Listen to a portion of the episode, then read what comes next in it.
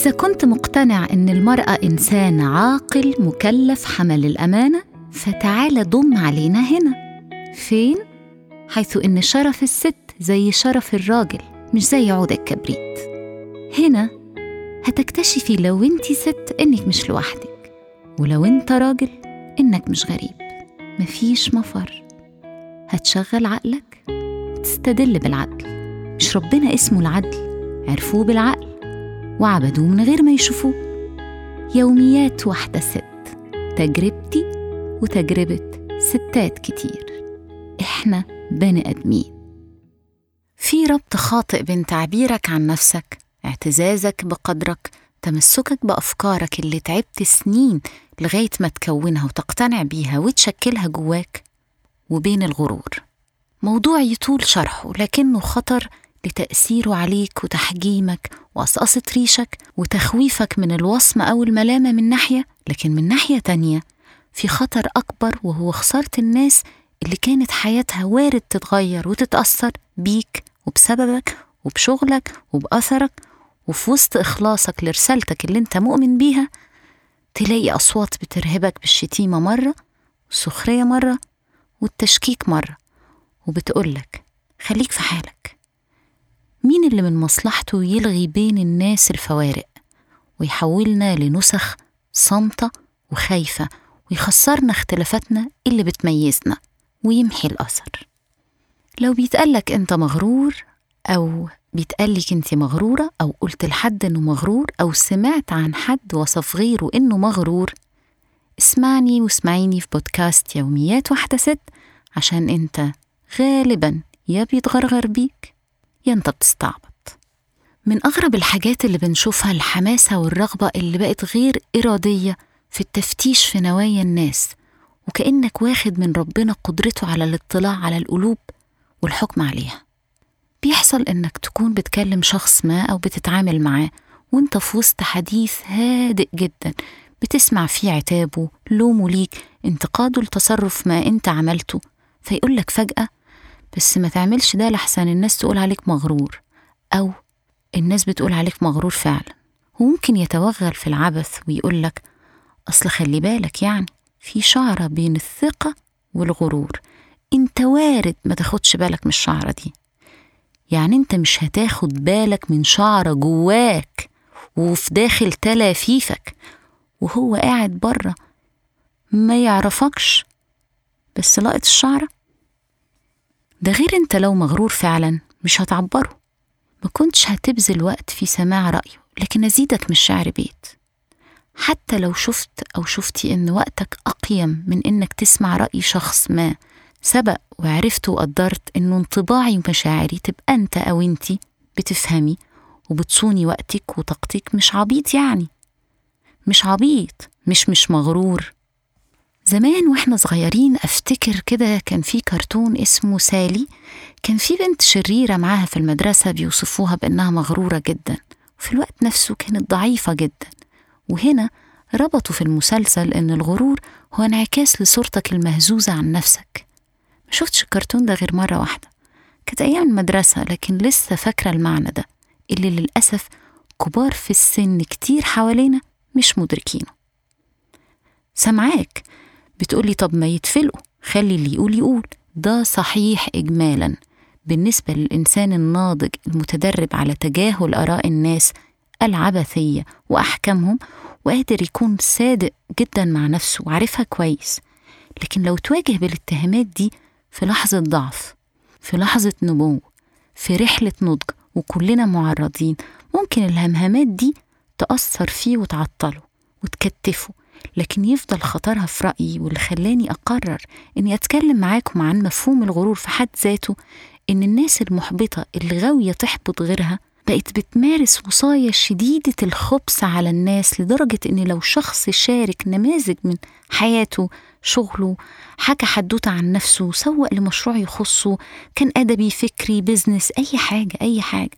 اتكلم عن رأي معين انتقد سياسات معينة بذل جهد في تطوير أدواته والتركيز على نفسه. رفض فرص تعيقه وبيحكي للناس وبيشاركهم. الناس دي بيتهموه بالغرور لإسكاته مش عشان حاجة غير عدم فتح حقيقتهم اللي بتصحى جواهم قدام نفسهم فبيبقوا كل ما بيشوفوه بيعبر عن نفسه بقوة وحرية بيتضايقوا. ليه؟ لأن تعبيره عن نفسه بقوة وحرية. بيحسسهم بعجزهم بيفكرهم بدونيتهم كل مرة يشوفوا نجاح غيرهم بيستشعروا دونيتهم وضعفهم. كل ما لمحوا قوة واعتزاز غيرهم بنفسه كل ما شافوا غيرهم قادر على الرفض وهم جبنة. فالحل؟ نقول مغرور. لو استجبنا ليهم هنخسر طاقات بعض الطاقات القيمية والمهنية وهنخسر نسمع تجارب بعض وهنخسر ذاتنا بتفردنا طب إيه هو الغرور؟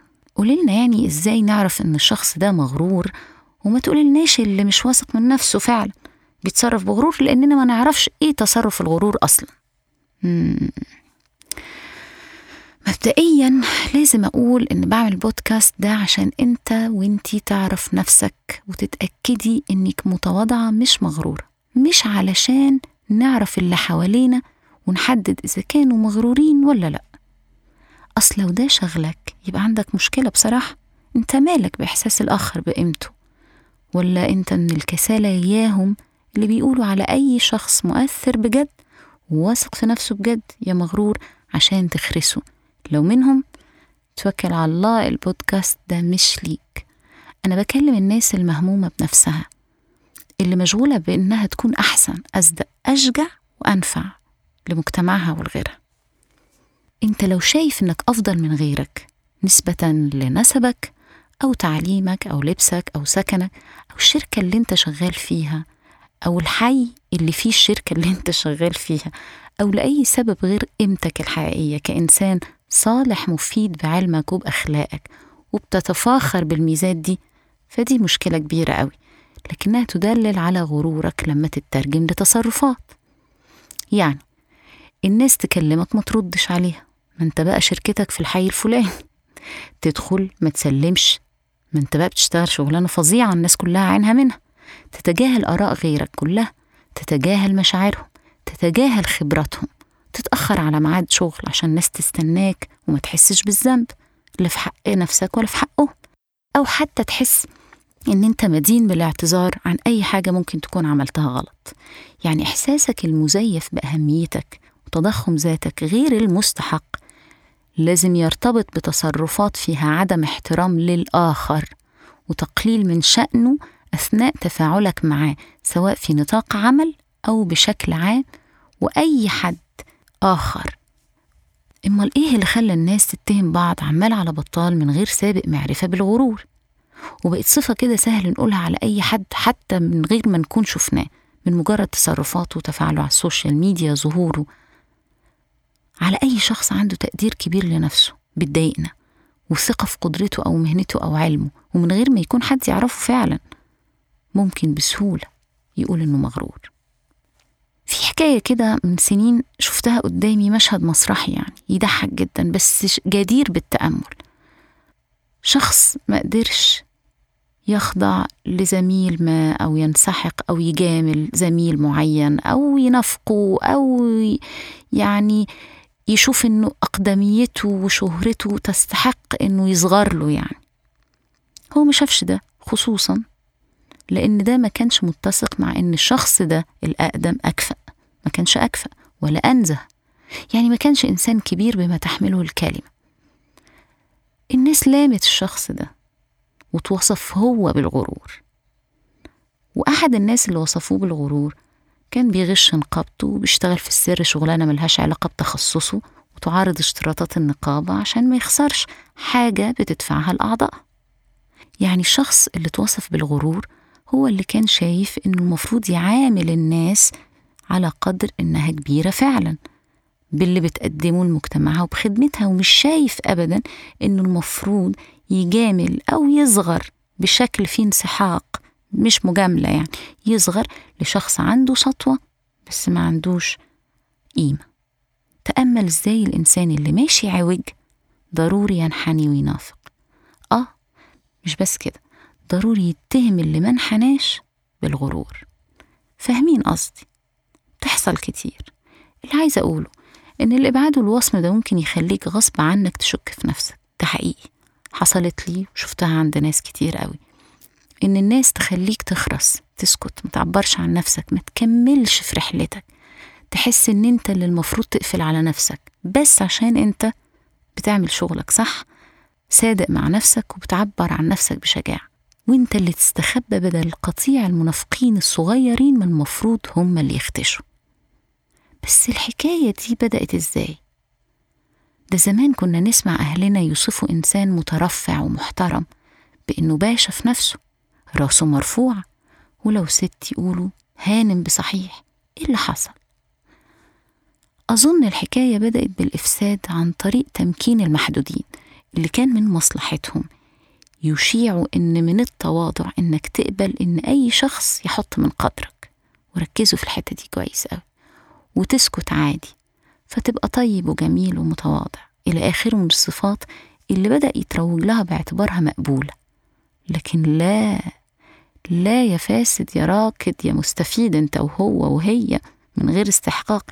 إحنا واعيين قوي للي بيحصل حتى لو انت بتنشر سمومك وعامل مش واخد بالك.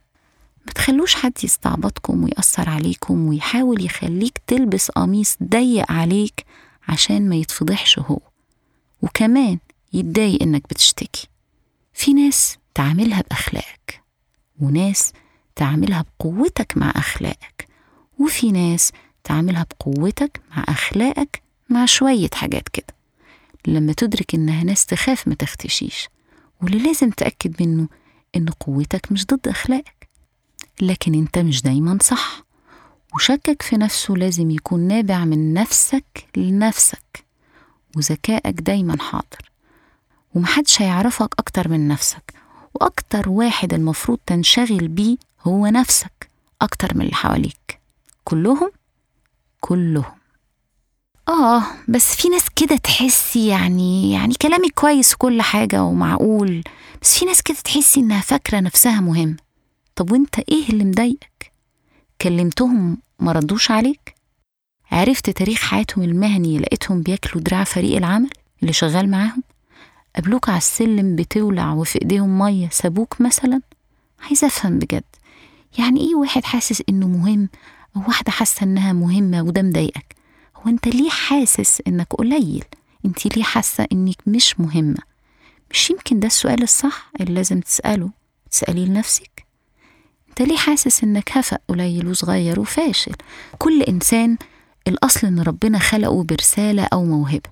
ما هي الموهبة هي الرسالة. لو أدركها وصانها ونماها واختارها عن كل مغريات الدنيا الفارغة. من فلوس شهرة استعراض يبقى طبيعي ده إنسان مهم وطبيعي. طبيعي إن اللي مشي ورا الدنيا عايز يبقى زي فلان أو فلانة عمره ما فكر في نفسه ولا اختار لنفسه لحظة إنه يحس إنه قليل. في جملة لأحمد زكي بيقول فيها كلمة مهمة جدا لما أموت هتعرفوا قيمتي. إيه ده؟ هو أحمد زكي مغرور.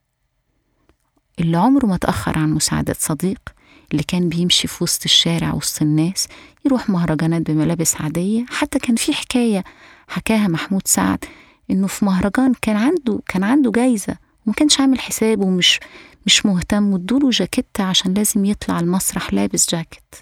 محمد رياض جوز رانيا بنت محمود ياسين الله يرحمه في خطوبته كان نفسه قوي أحمد زكي يحضر.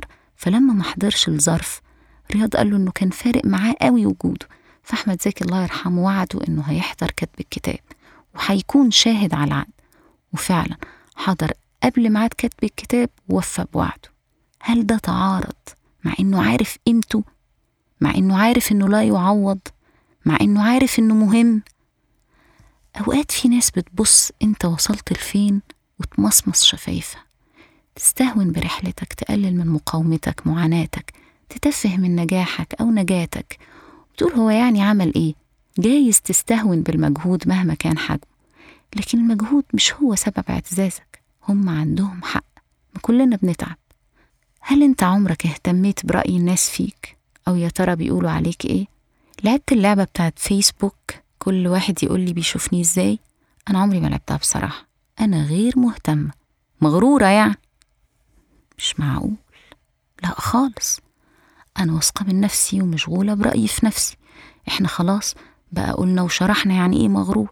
لو أنت هتحس إنك إنسان جميل لما الناس تقول كده يبقى أنت اللي عندك مشكلة. ده معناه إنك هتتحطم لما الناس تقول إنك وحش. وعلى فكرة الغالبية بتتحطم فعلا من أحكام الناس عليه. عشان كده أنا عملت الحلقة دي. وبصرف النظر عن تصنيفات الناس لحلوين ووحشين الساذجة اللي مش موجودة خالص دي. فأنت كده قدرك هو ما يرجحه الناس في حين إنك لازم تعرف قدرك كويس وإنت اللي تعرفه للناس.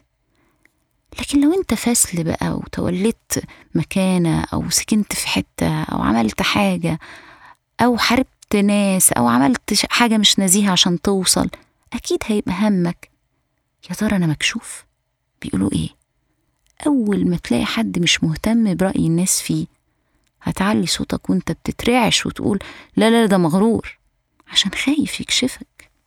يبقى مش كل واحد يقول على واحد مغرور نجري نصدقه. ولما انت نفسك حد يقولك انت مغرور أو يتقالك انت مغرورة وده الهدف طز. سبب اعتزازك وفخرك بنفسك هو الألم. الألم من إحباط بسبب سباحة ضد التيار الألم من عزلة فرضها عليك التزامك بقيم بقت عزيزة. ألم من طول السعي والصبر الجلد ألم من التمن اللي دفعته من راحتك لكنه كان مستحق من فرص رفضتها من عزلة شديدة بتفكر فيها عن حقيقتك وبتدور فيها على هدفك. أنت اخترت نفسك الأول اخترت مشروعك شغفك قيمتك موهبتك وطريقك عشان يجي أيا كان يقولك يا مغرور. طز تاني. محدش يقدر يحس بألم غيرك ولا حد من حقه يقدر رحلتك غيرك ولا حد يقدر يفهمك أكتر منك ولا حد يصح إنه يفرض عليك طريقة تعبيرك عن نفسك. خدها قاعدة وانت ماشي. وانتي كمان خديها قاعدة. مفيش إنسان بيناقش عيوبه مغرور. وأبوهم كلهم على اللي يتشدد له جميعاً.